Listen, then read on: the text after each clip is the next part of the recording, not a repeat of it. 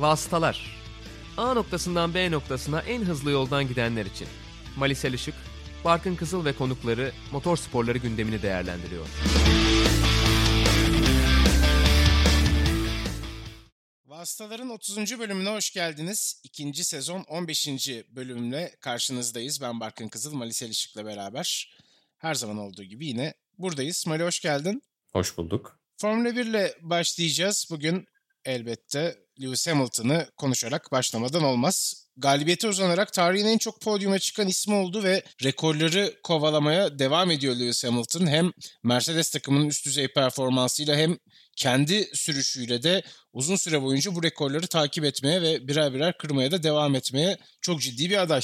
Yani hani gerçekten Michael Schumacher'ın rakamlarına kimsenin bu kadar yaklaşabileceğini düşünmüyorduk ama alıp başka bir seviyeye, başka bir noktaya götürecek gibi duruyor Lewis Hamilton. Pole pozisyonlarında zaten rekoru kıralı çok uzun süre olmuştu ki zaten rekor başka bir seviyeye çıkacak onunla birlikte. Yani 100 pole pozisyonu 100 galibiyet üstüne artık 8 mi olur 10 mu olur kaç şampiyonluksa eğer böyle giderse tabii ki e, çok uzak görünmüyor açıkçası. Yani tabii ki bir hegemonyanın ne zaman bir üstünlüğün ne zaman biteceğini bilemezsiniz ama motor değişmediği sürece yani güç ünitesi formülü değişmediği sürece Mercedes hep bir adım önde kalacak gibi görünüyor. E bu Lewis Hamilton için de Mercedes için de e çok ciddi bir avantaj. E onun dışında hep istikrarlı. Her seferinde bir fırsat varsa ortada değerlendiriyor. Bunların hepsi bir araya geldiğinde Formula 1 tarihinin en baskın performansı ortaya çıkıyor. Hem Lewis Hamilton için hem de Mercedes için. Yani bu sezon içerisinde kırabileceği rekorlardan bir tanesiydi bu. Diğeri daha dramatik bir rekor tabii ki 91 yarış galibiyeti rekoru. Arkasında belki biraz daha fazla anlam olan, biraz daha fazla e, göz önünde olan da bir rekor olduğu için. Tabii ki yarış galibiyeti rekorunu da Ferrari'nin adını taşıyan yarışta o rekora ortak olabilir. Bu da enteresan olacak. Yani evet tabii tek düşüncemiz biraz daha hani seyircilerin önünde olabilseydi bu. Güzel böyle bir seremoniye bir şey yapılabilirdi belki. Bu sezon olduğu için biraz daha farklı olacak. Yine belki bir şeyler ayarlayabilir Liberty Media ama hatırlarsın e, Ayrton Senna'nın pole rekorunu geride bıraktığında ona bir kask hediye edilmişti Kanada'da. Çok güzel böyle bir organizasyon yapılmıştı aslında. Seyircilerin önünde böyle bir tarihi anı yaşanması daha farklıydı. Ama onun dışında yani zaten kırdıktan sonra da o rekoru çok başka bir seviyeye getirecek artık 100. yarış galibiyeti önümüzdeki sene olursa ki büyük ihtimalle olacak gibi görünüyor. E, artık seyircili yarışlar önümüzdeki yıl devam ediyor olursa tekrar oraya kısmet diyelim. Ama gerçekten yaptığı şey, yapmaya devam ettiği şey çok acayip yani. Evet ve bunu da en azından bir sene daha yapmaya devam edecek gibi duruyor. Kuralların izin verdiği ölçü çünkü şu anda Mercedes'i biraz daha avantajlı kılıyor. Mercedes demişken hemen Racing Point'e geçelim. E, Lance Stroll çok iyi bir yarış startı aldı ve elbette Perez de bu yarışta tekrar start aldı Hülkenberg'in yerine. Dolayısıyla Racing Point yine odaktaki takımlardan bir tanesiydi ve bu yarışta çok iyi sonuç aldılar. Yani Lance Stroll hep iyi startlar alan bir isim aslında. Ama biz daha önceden yani sıralama turlarını kötü geçirdiği için mi iyi start alıyor yoksa gerçekten startları etrafındakilere göre çok daha iyi mi emin olamıyorduk. Çünkü cumartesi günleri en iyi günleri olmuyordu genellikle Kanadalı pilotun. Ama bu sefer 2020'de hem tabii ki aracın çok ciddi bir seviyeye gelmesiyle birlikte hem de Lance Stroll'un kendini geliştirmesiyle birlikte hem iyi sıralama turu ardından iyi startlar görmeye başlıyoruz. Bu da bence bir pilot olarak artık yavaş yavaş potansiyelini yakalayabildiğini gösteriyor. Artık zirvesi ne olur tabii ki görmek, tahmin etmek çok mümkün değil belki ama en azından insanların hem biraz e, ona hakkını vermesi, hakkını vermesine sebep oluyor daha doğrusu. E, hem de dediğim gibi yani hani startta özellikle çok iyi bir e, boşluk yakaladı kendine. Biraz aslında Valtteri Bottas'ın kibar davranmasını değerlendirdi. Normalde o kadar içeride boşluk bırakması mantıklı değildi. Hemen arkasından Sergio Perez de takip etti onu. Gayet güzel yarış çıkardılar ikisi de aslında. Ve iki haftalık aradan sonra bence çok iyi döndü Sergio Perez. Tabii ki e, önemli puanlar kaybetmiş oldu. Potansiyel puanlar kaybetmiş oldu. E, vakit kaybetmiş oldu araç üzerinde geçiremediği bir vakit vardı ama psikolojik olarak ben toparlanmasını çok takdire şayan buldum açıkçası. E, çünkü yani hem birazcık kendi pro, e, problemi olan, kendi kabahati olan bir durumdan dolayı iki yarış kaçırmıştı. Hem Sebastian Vettel onun yerine gelecek mi, koltuksuz kalacak mı söylentileri var. O söylentilerin çok uzun süre devam etmeyeceğine inanıyor tabii ki ama belli de olmaz yani Formula 1'de her şey olabiliyor. Ve genellikle böyle bir söylenti varsa da aslı oluyor. Ama evet, bunların arada, hepsini bir kenara bırakıp sağlam bir performans çıkarması çok iyiydi. Bu arada büyük oranda hani çok fazla semptom göstermeden geçirmiş. bazı günler halsizlik hissetmiş rahatsızlığı sırasında. Onun dışında da kendine çok iyi bakmış Perez. Zaten hani kendinize çok iyi bakmazsanız bu 10 günlük bir süre mesela hemen sizden performans götürebilir ki Perez'de böyle bir durum olmadığını da gördük bence. Bir mavi bayrak uyarısını takip etmemeden dolayı ceza aldı. 5 saniyelik ceza. Bu da onu Stroll'ün arkasına itti. Ama Racing Point'ler sonuç olarak aslında en hızlı üçlünün hemen arkasındaki iki sırayı kapattılar ve hani alabilecekleri en iyi sonuçlardan bir tanesini almış oldular. Ee, tabii ceza demişken çok ufak istersen Grosjean'a da değinelim bu programın sevilen yüzü kendisi. Yine Mahalle kasabı. Grosjean. Yani öncelikle Perez'in cezasından biraz bahsetmek gerekiyor bence. 5 saniye cezasını hak edecek kadar bariz bir şey görmedim ben. Yani bana da Sergio Perez savundurtuyor olmasıyla FIA'yı buradan zaten kınıyorum ama e, onun dışında yani yarışta zaten çok ciddi bir problem yokken e, yarışta neredeyse bütün pozisyonlar belliyken Lewis Hamilton'a çok ciddi bir süre kaybettirdiğini düşünmüyorum. Onun dışında ciddi bir kasıt da yok ortada. Yani engelleme değil sadece yeteri kadar yol vermeme var. Ya o bir, birazcık gri alandaydı bence. O 5 saniye cezası bir uyarıyla atlatılabilirdi diye tahmin ediyorum. En azından ben öyle yapardım. Ama belki de o yüzden. Ben zaten yarış hakemi değilim. Bilemiyorum Yani çizgiyi açıkçası. boşaltmamış ama temposunu düşürmüş Hamilton onu bir an önce geçsin diye. Ben de uyarı bekledim açıkçası ama 5 saniye ceza pat diye geldi ki Kvyat da aynı cezayı aldı bu arada onu da Hı hı. söylüyorum. Onun pozisyonunu görmedik değil mi? Evet görmedik. Yani Grosjean'a ceza geldi mi yarış içerisinde? Ya Grosjean'a yarış içerisinde gelmedi de Grosjean'a gelecek ceza gelmiş zaten o yüzden geçelim. Tabii ki Ferrari ile devam etmek lazım. E, Vettel Ferrari düellosu vardı. Hafta sonu boyunca aslında diyebiliriz. Belki de birkaç haftayı yayılan bir düello da olabilir bu. Sıralamada tersizden cevap vermeyen bir Sebastian Vettel gördük. Yarışta bu kez tersizden, tersizden cevap verdi ama konu üzerinde hiç anlaşamadılar. Stratejiyi doğru ayarlayamadılar. Hem yanlış lastik seçen ve bu lastiklerle yanlış sayıda turlar atan bir Vettel görmüş olduk. Hem de işte aradaki problemler bir kez daha zaten ortalığa döküldü. Yani Sebastian Vettel'in pasif agresifliği bence hoş değil açıkçası. Yani tamam arada bir haksızlık var bence. Evet birbirlerine iyi davranmıyorlar ama Ferrari genellikle bu iletişim eksikliğinin e, çıkış noktası bence. Ama ne olursa olsun sıralama turlarında hiç cevap vermemek de çok hoş değil bence yani. Çünkü e, tamam Mattia Binotto'ya cevap vermemesi yine bence ben olsam yapmazdım ama anlayabiliyordum ama sıralama turu içerisinde en azından yarış mühendisiyle birlikte diyaloğa girebiliyor olmalısın. Yarış zaten bambaşka bir noktadaydı. Orası da Ferrari'nin biraz batırdığı kısım oldu.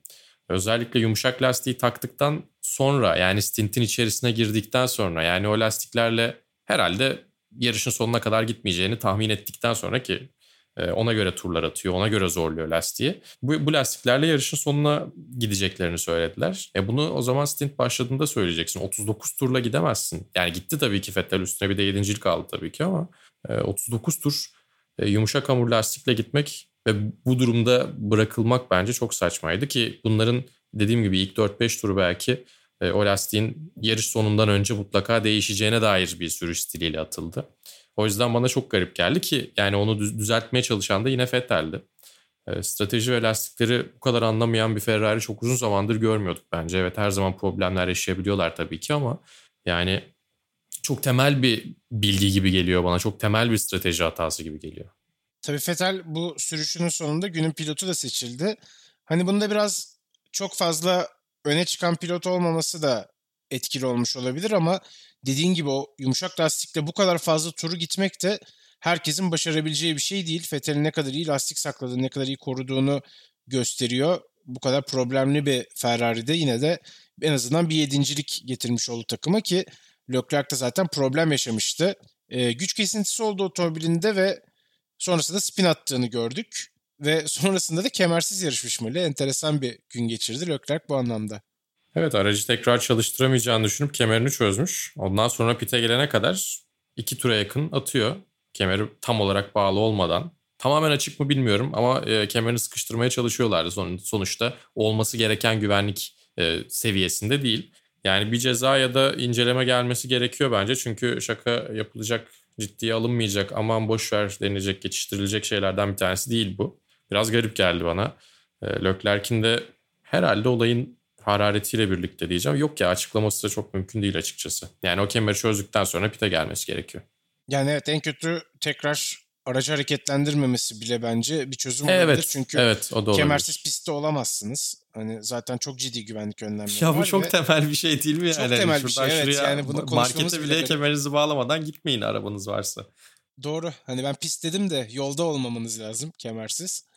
Bilmiyorum. Bence de incelenip bir ceza gelse aslında iyi bir örnek olabilir. Ya da olabilir. Ya takıma para cezası olabilir. İşte Leclerc'e e, süper lisansına puan olabilir. Örnek teşkil etmesi açısından bence gerekiyor. Evet katılıyorum ben de. Puan demişken süper lisansa puan alamayan bir takım var. Renault. ee, onlar Güzel bağladın yine. Onlar sıralamada da zayıf gözüktüler. Çok ufak bir farklar ne kadar Ricardo ilk onu kaçırmış olsa da Q3'ü kaçırmış olsa da e, yarışta da yine hiç varlık gösteremeyen taraflardan bir tanesiydi. Ya bu kadar inişli çıkışlı performansla ilgili ne düşünüyorsun Mali? Bir de istersen yine Alonso'dan da şöyle bir gidelim. Bu takıma bir şeyler katıp en azından düzenli olarak puan alan bir takım haline getirebilirim bu takımı Alonso sence? Yani Esteban Ocon da Daniel Ricciardo da çok iyi pilotlar ama biraz karakter etkisi gerekiyor galiba. Yani takımın kafasına vura vura bir şeyleri yaptırmak gerekiyor ki Alonso belki takım bunu hak etmediğinde de e, takımın kafasına vurmayı seven isimlerden bir tanesi. O yüzden ben tam Renault'un ihtiyacı olan adam olduğunu düşünüyorum. Ama Cyril Abiteboul'u ya kovdurur ya da çok başka bir seviyeye gelirler yani. Bir, ki, bir kere şey çok acayip. Silverstone ilk yarışının antrenman turlarında sıralama öncesinde e, podyum temposu olan bir takımdı Renault. Yarışta da fena değillerdi hatta yarışta da neredeyse podyumu zorlayacaklardı. Sonra bir anda yok oldu. Sıcak havalarla mutlaka etkisi vardır tabii ki ama bu kadar böyle bir düşüş e, sadece lastiklerden ve hava şartlarından, e, pist sıcaklıklarından olsa olmasa gerek diye düşünüyorum daha doğrusu. Ya bilmiyorum bana garip geliyor açıkçası. Yani, yani zaten hani Renault'un şey uzun zamandır problemi o zaten. Yani o istikrarsızlık çok ciddi problem ama istikrarsızlığın nereden geldiğini de çözemiyorlar gibi sanki. Bizim şöyle bir düşüncemiz vardı herhalde. McLaren, Renault ve Ferrari işte Red Bull ve Mercedes'in arkasında Racing Point'le beraber çekişecekler gibi düşünüyorduk. Hani orası da çok oynak bir zemin aslında. Racing Point dışında çok düzenli olarak öne çıkan bir takım da ben göremiyorum. Hani buradan McLaren'i de konuşalım istersen. Onlar da 6 ve 10 oldular. İşte Sainz 6. sırayı aldı kendi evindeki yarışta. Lando Norris de ilk onu tamamladı. Bir puanın sahibi oldu. McLaren de bazen çok hızlı gözüküyor. Bazen o kadar hızlı gözükmüyor bu arada. Yani evet dediğin gibi. Hatta Racing Point bile olması gereken kadar istikrarlı değil aslında. Yani e, performans anlamında baktığımızda işte 5 ve 6. sıraya aşağı yukarı kapak atmaları ve hiç onun altına inmemeleri gerekiyordu belki ama onların da kötü yarışları oldu. Yani istediklerinin altında oldukları yarışlar oldu ya da zorlandıkları yarışlar oldu. Ama tabii ki bu bize keyif veriyor. Hani hem renkli bir mücadele oluyor. Tam her anlamda renkli bir mücadele oluyor orta sıralarda. Hem de zaten yarışın ön kısmı tamamen kopup gitmişken Max Verstappen acayip bir şeyler yapmadığı sürece ön tarafı görmüyorken bile oraya odaklanabiliyoruz. Biraz daha mücadele görebiliyoruz. Red Bull'da konuşup Formula 1'i kapatalım o zaman. E, Verstappen yine tabii ikinci ve çok iyi bir sonuç bence bu. Yani Bottas'ı geçtiği her sonuç çok iyi. Hamilton'ı geçip yarış kazandığı her sonuç mükemmel. Verstappen için bana sorarsan. ee, ama Albon yine istenenden uzak kaldı bence. Hatta seninle de konuşuyorduk işte hep ilk 5 içinde olması gerekiyor gibi bu Red Bull aracıyla diye. Ee, hem işte onun da lastik tercihleri konuşuldu. Hem sürüşü zaten bir süredir konuşuluyor. Gezli'nin yine AlphaTauri ile çok iyi performansları var. Bu konuyla ilgili neler söylemek istersin bu hafta? yani e, Alfa Tauri'nin koltuğu eski adıyla Toro Rosso koltuğu çok daha iyi performans sergilemek için fırsat sunuyor insanlara demek ki. Yani Max Verstappen'in yanındaki koltuktan çok daha e, rahat bir yer orası. Eminim ki bir önceki performansa göre sürekli aralarında yer değiştirseler Alfa Tauri'deki yarışan kim olursa e, çok daha iyi bir performans sergileyecek. E bu da işin ne kadar psikolojik olduğunu gösteriyor açıkçası. Evet yani Christian Horner'a da kolaylıklar dileyelim. O ikinci pilotu bulabilmek gerçekten zor bir iş gibi gözüküyor kendisi için. Ya da bilmiyorum belki de biraz belki de anlayışlarını değiştirmeleri gerekiyordur. Verstappen'in e yani o baskının oluşmasının sebebi bir taraftan tabii ki takım e, kültürüyle de alakalı bir şey. Ama bir taraftan da Red Bull bu kadar rekabetçi olarak zaten bu başarıları elde etti. Yani ya problem değil ikinci pilot da üzülmesin kafasına göre takılsın diyerek dört tane şampiyonluk almadılar arka arkaya. Çok güçlü iki pilotları vardı Sebastian Vettel ve Mark Webber zamanı. Sonrasında Daniel Ricciardo ve Max Verstappen yine çok iyilerdi. Belki orada Ricciardo ile Verstappen'i daha iyi idare edebilirlerdi. Ama yani Ricciardo'yu yine takımda tutmaya yeter miydi bilmiyorum bu. Yani o ikinci koltuğu çok çok iyi biriyle doldurmaları gerekiyor. Ricardo gibi birini henüz bulamadılar. Potansiyeli olan pilotları buldular ama o potansiyeli sonuçlara çevirebilmek gerçekten göründüğünden çok daha zor. Evet böylece Formula 1'de noktalamış oluyoruz ve MotoGP ile devam edeceğiz. Yine hem Formula 1'in hem MotoGP'nin olduğu bir yarış hafta sonundaydık. E, Mali tabii ki kazalar damga vurdu MotoGP'ye. E, Moto2'de de yine kaza gördük. Onun da senden yorumunu isteyeceğim. Ama hani Yamaha'nın fabrika sürücülerin ikisi birden hem Maverick Vinales hem Valentino Rossi gerçekten hiç abartmıyorum ölümden döndüler. Yani motorsporları tarihinden kara günlerinden bir tanesi olabilirdi yani. Çok kan donduran bir kaza. Joan Zarco'nun Franco Morbidelli ile çarpışması sonrası iki motosiklette tam olarak Apex'in içerisine yani virajın tam ortasına e, fırladılar. E, Zarco'nun motosikleti Vinales'in hemen üstünden geçti. Vinales ile Rossi'nin motosikletlerin tam arasından ki zaten bir motosiklet boyu fark var. Oradan da Morbidelli'nin motosikleti geçti.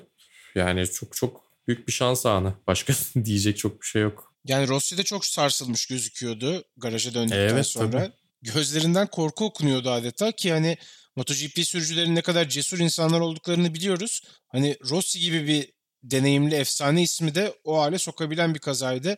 Neyse ki hiçbir şey olmadı kimseye. Evet yani Morbidelli'de de ciddi bir şey yok. Zarco'da zaten bir şey yok. Ayağa kalkmıştı o. İlginç. İki gün dediğin gibi Moto2'de de büyük bir kazayla başladı. Enea Bastianini'nin motosikleti düzlük üstünde kaldı ilk viraj sonrası. Hafız Siyer'in onun üstünden geçerek takla falan attı böyle çok büyük bir kazaydı. Ama o günün en büyük kazası olmayacağını o zaman bilmiyorduk. E, sonrasındaki kazada kırmızı bayrak çıktı tabii ki işte hani özellikle o şişme bariyer onarıldı. Zarko'nun motosikleti de ondan bayağı yavaşlayarak geçti aslında. Ama o bariyeri parçaladı, üstüne fırladı. Belki daha iyi bir e, güvenlik önlemi gerekiyor mu oraya bilmiyorum. E, ki zaten MotoGP sürücüleri Spielberg açıklandığında da diyordu. Uzun düzlükler ve arkasından sert virajlar var. Burası motosiklet için tehlikeli. Böyle bir durum ortaya çıkabilir diyorlardı. E, önümüzdeki hafta tekrar burada yarışacağız. O yüzden ben açıklamaları bekliyorum. Yani mutlaka endişelerini dile getireceklerdir sürücüler. Bir taraftan Rossi tabii garaja döndüğünde senin de söylediğin gibi sarsılmış durumdaydı. Ama sonra çıktı 5. oldu en iyi Yamaha olarak. O da özel bir performanstı bence. Yarıştan sonra da Joan Zarco'nun biraz fazla tehlikeli yarıştığını ve gidip onunla konuştuğunu söyledi. Ama yani olabilecek bir kaza. Evet tabii ki biraz daha dikkat edebilir miydi Zarko? Edebilirdi ama böyle bir sonucu olabileceğini tahmin bile etmiyorsun. Çünkü yani gerçekten hayal gücünün ötesine geçen büyüklükte bir kazaydı bu. Ama psikolojik olarak önümüzdeki hafta sürücüleri etkileyecektir diye düşünüyorum.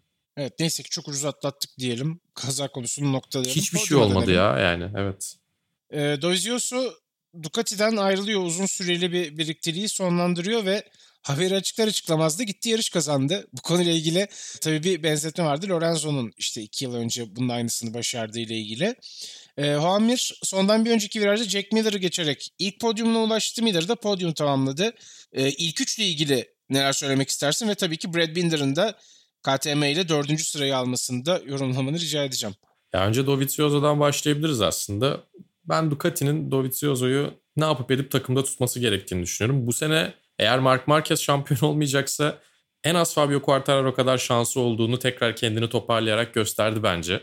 Ducati'nin güçlü olduğu pistlerde özellikle bunu değerlendirebilecek noktaya geldi en azından ki sene başında o kadar iyi değildi. Ama ne olursa olsun Fabio Quartararo da iyi puanlar alamadı sezona fırtına gibi başladıktan sonra.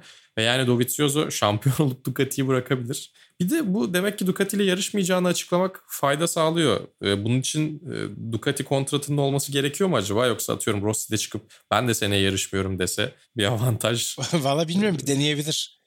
Yani 2012'den beri yarışmıyorum ama seneye de yarışmayacağım haberiniz olsun deyip kullanılabilir yani. E, onun dışında Suzuki'ler bayağı iyi göründüler. E, sadece KTM değil. Yani bakıldığında Mark Marquez olmayınca şey gibi aslında Mercedes'lerin ya da Lewis Hamilton'ın yarışmadığı bir e, Formula 1 gibi MotoGP şu anda. Kimin kazanacağını gerçekten bilmiyorsunuz. Ki Marquez yarıştığında bile MotoGP daha çeşitli tabii ki. O konuda Formula 1'den bence fersah fersah ileride. Suzuki'ler çok iyiydi. Alex Rins sakatlığına rağmen liderliği zorlayabilecek kadar yükseldi. Ama Çifte podyumda Below, yapabilirlerdi bu arada. Yapabilirlerdi. Yani 1-3 olabilirlerdi mesela belki. Ya da belki 1-2 bile olabilirlerdi. Ama Dovizioso'yu geçtikten sonra Below ile yarışa veda etti. Umarız tabii ciddi bir sakatlığı yoktur. O omuz çünkü çok kolay kolay iyileşen bir sakatlık değil. Sezon içerisinde e, başını ağrıtmamasını istiyoruz tabii ki ne olursa olsun. Ve onun dışında yani Jack Miller çok iyi bir performans sergilemedi son turlarda. Çünkü yani son sondan bir önceki virajda hata yaparak şu an mire geçirmesi bence müthiş bir hareket değildi. Önümüzdeki sene tabii ki e, Fabrika Ducati'sinde yarışmayı hak ediyor. Daha önce de hak etmişti. Ama en azından ikinciliğe tutunması gerekiyordu bence. Yine de iyi bir sonuç tabii ki onun için. Peki KTM ile ilgili neler söylemek istersin? Onlar da iyi giden bir yarışta büyük talihsizlikler yaşadılar. Bir anda ters yüz oldu yarış onlar için. Ama Brad evet. Binder'ın sonucu çok iyiydi. Dördüncülük. Yani kendi evlerinde Spielberg'de kazanmayı çok istiyorlar tabii KTM. Paul Espargaro ile de buna çok yakınlardı aslında ama Kırmızı Bayrak onların bütün planlarını değiştirdi. E, kırmızı bayrak çıktıktan sonra lastik değiştirebiliyorsunuz. Herkes yeni lastiğe geçtikten sonra sizin de lastik değiştirmeniz gerekiyor tabii ki geride kalmamak için. Ama şöyle bir problem vardı. Espargaro'da orta hamur lastik kalmadığı için yumuşakla yeniden başladı arka lastikte. E, öyle olunca lastik bir süre sonra bitti. E o lastik bittikten sonra yavaş yavaş geçilmeye başladı Espargaro. Geçildikçe işte burada bence biraz kendi problemleri ortaya çıkıyor diyebiliriz. Geçildikçe gerildi, gerildikçe hata yaptı ve sonrasında kendi hatası nedeniyle Miguel Oliveira'ya çarpıştı ve düştüler. Ki Zarco ile olan temasına çok benziyordu. Çek ya da Brno'daki kazaya çok benziyordu. Burada biraz daha e, suçluydu Espargaro ama bir önceki yarışta da yine e, bir yarış kazası olduğunu zaten çok ceza gerektirmediğini söylemiştik. Yani Espargaro kendini kontrol edemezse seneye Marquez üzer gibi duruyor onu. Seneye Mark Marquez'in takım arkadaşı olacak Repsol Honda'da. Brad Binders çok başka bir olay aslında. Çünkü 17. sırada yarışa başladı. Korkunç bir sıralama turları. E sonra Kırmızı Bayrak ona fayda sağladı açıkçası. O farkı kapatabildi öndekilerle. Ve yarışı da dördüncü bitirdi. E, Brad Binder KTM'yi sırtında taşımaya devam ediyor. Ama Paul Espargaro da biraz sakin olabilirse neden takımın birinci sürücüsü olduğunu gösterecek bence. Peki Moto 3 diyelim o zaman. Senin anlattığın yarışta Üf. Deniz Öncü çok diyelim. iyi bir yarış çıkartıyordu. Son bölümde geriye düştü ama yani herhalde yarış galibiyeti kumaşı olduğunu gösteren bir yarış oldu Deniz için. Evet yani biz zaten Can'ı da Deniz'i de potansiyellerini biliyoruz. Red Bull Rookies Cup'tan, Asya Yetenek Kupası'ndan. Onun dışında zaten hani biz daha yakından takip ettiğimiz için e, bir de tabii ki taraflı olarak çok yukarılara koyduğumuz için o potansiyeli hep biliyorduk ama bence hem e, takımı hem Moto 3 Pado'nun tamamı ee, hem de dünya aslında Deniz Öncü'nün ne kadar potansiyelli bir sürücü olduğunu gördü. Yarışın başından sonuna neredeyse liderlik grubunda gitti. Çok önemli bir kısmını da lider götürdü. Belki yarış kazanan Have Masya ondan daha fazla lider gitmiştir yarışta. Ve benim en çok dikkatimi çeken şeylerden bir tanesi reaktif değildi. Yani bir atak geldiğinde özellikle geçmesin diye düşünmedi. Hep turun ilerisini düşünüyordu. İlk virajda mesela rakipleri daha iyiydi. Ama ilk virajın çıkışında daha iyi bir hız taşıyıp sonraki virajda geçebiliyordu onu aradaki düzlük sonrasında. Ve bunları hep kullandı. Yani rakiplerinin eğer ikisi birlikte yavaşlayacaksa geçmesine izin verdi. Ama son iki turda biraz karmaşa içerisinde kaldı. Ee, ne kadar tabii lastik performansı etkiledi ya da belki de o karmaşa içerisinde bir kere momentum kaybettiğinde o farkı geri kapatamıyorsun. Onları belki biraz öğrenmesi gerekiyor yarış sonlarını ama bence e, olabilecek en iyi performanslardan birini gösterdi. Keşke e, podyumla taşlandırabilseydi. Bu arada 6. sırada bitirse podyuma çıkıyordu öyle de söylemek lazım. Çünkü son virajın son dışında o bir yeşil kısım var ya körblerin. Oraya çıktıktan sonra e, önce Ayogura ceza aldı. Sonra Brad Binder ceza aldı. Celestino Vietti'yi podyuma taşıdılar. Gel abi sen al motosikletini e, birazdan podyuma çıkacaksın diye. E bir baktılar Vietti de dışarıya taşmış. Sonra John McPhee'yi e, çağırdılar. 6. sırada yarışı bitirmişti John McPhee. Bir şekilde podyumda buldu kendini. Yani 1-2 sıra daha yukarıda olsaydı e, çizgiyi geçtiğinden daha ileride podyumda olabilecekti Deniz ama yani hem kariyerinin geleceği için hem de kısa vadede önümüzdeki hafta için bence çok umut vaat etti. Tek tura takım olarak da iyiydi bu arada. Yani takım arkadaşı Ayumi Sasaki de uzun tur cezası alana kadar zaten ön grupta gidiyordu. Biraz daha sonra geldi o denizden ama e, ne olursa olsun 10. başladığı yarışın önemli bir kısmını lider götürmekte bence çok sağlam bir performans. Bu arada Brad Binder dedim galiba. Darren Binder sanırım. Evet Darren Binder. Brad tamam Binder hemen düzeltmiş oldum. Ee, Porsche Super Cup'la devam edeceğiz. E, Ayhan Can pistteydi. iyi bir sıralama geçiremedi Ayhancan. 9. olabildi. Yarışı da bir sıra kazanarak 8. sırada bitirdi. Ve hani Süper Cup'ta gördüğümüz en büyük kazalardan bir tanesi meydana geldi. Yarışın hemen başında. Jean-Baptiste Simonar'ın aracı start alamadı ve sonrasında geriden gelen otomobillerde ona da çarparak ya da ondan kaçınmaya çalışarak kendilerini bariyerlerde buldular ki bu kazada etkilenen isimlerden bir tanesi de Michael Fassbender'dı. Cümleye evet, bak. hiç değil mi? hani kurmayı bekleyeceğim bir cümle değil. Ee, Evet o Michael Fassbender bu evet, arada. ilk kez Porsche Super Cup'ta piste çıkmıştı ama birkaç metre sürdü maalesef ilk yarışı. Hani senle de konuşuyorduk çok iyi olmadığını söylüyorlar Fassbender'ın. Acaba yarışın gidişatı için iyi bir haber mi oldu bu Mali? Ne diyorsun? Valla olabilir özellikle çünkü Michael Fassbender'ın etrafında bir prodüksiyon ekibi de var. O macerasını da çekiyorlar bir taraftan. Bizim Berkem Ceylan çok izliyor, takip ediyor. Ya bu Fassbender tehlikeli diyordu. Hani etrafındakilere de çok fazla şey yapmıyor diyordu. Ee, ki yani evet bir şey değil. Patrick Dempsey ayarında değil maalesef. Hani belki oyuncu olarak çok daha büyük bir isim ama pist üstünde de Patrick Dempsey'nin daha gerisinde gibi duruyor. Böyle aktör yarışçılardan yakın dönemden bahsedersek. O yüzden dediğin gibi yarışın e, selahiyeti için daha iyi bir sonucu olmuş olabilir Michael Fassbender'ın erken yani veda ben yarışı anlatırken Inglourious Basterds bekliyordu. Assassin's Creed oldu dedim onun için. Korkunç bir film çünkü Assassin's Creed'de bu arada bilmeyenler varsa. Ee, böyle bir tatsız yarış geçirmiş oldu. Tabii Ayhancan'a dönelim. Ee, şampiyonluk hedefinden biraz uzaklaşıyor gibi gözüküyor açıkçası son iki yarış öncesinde.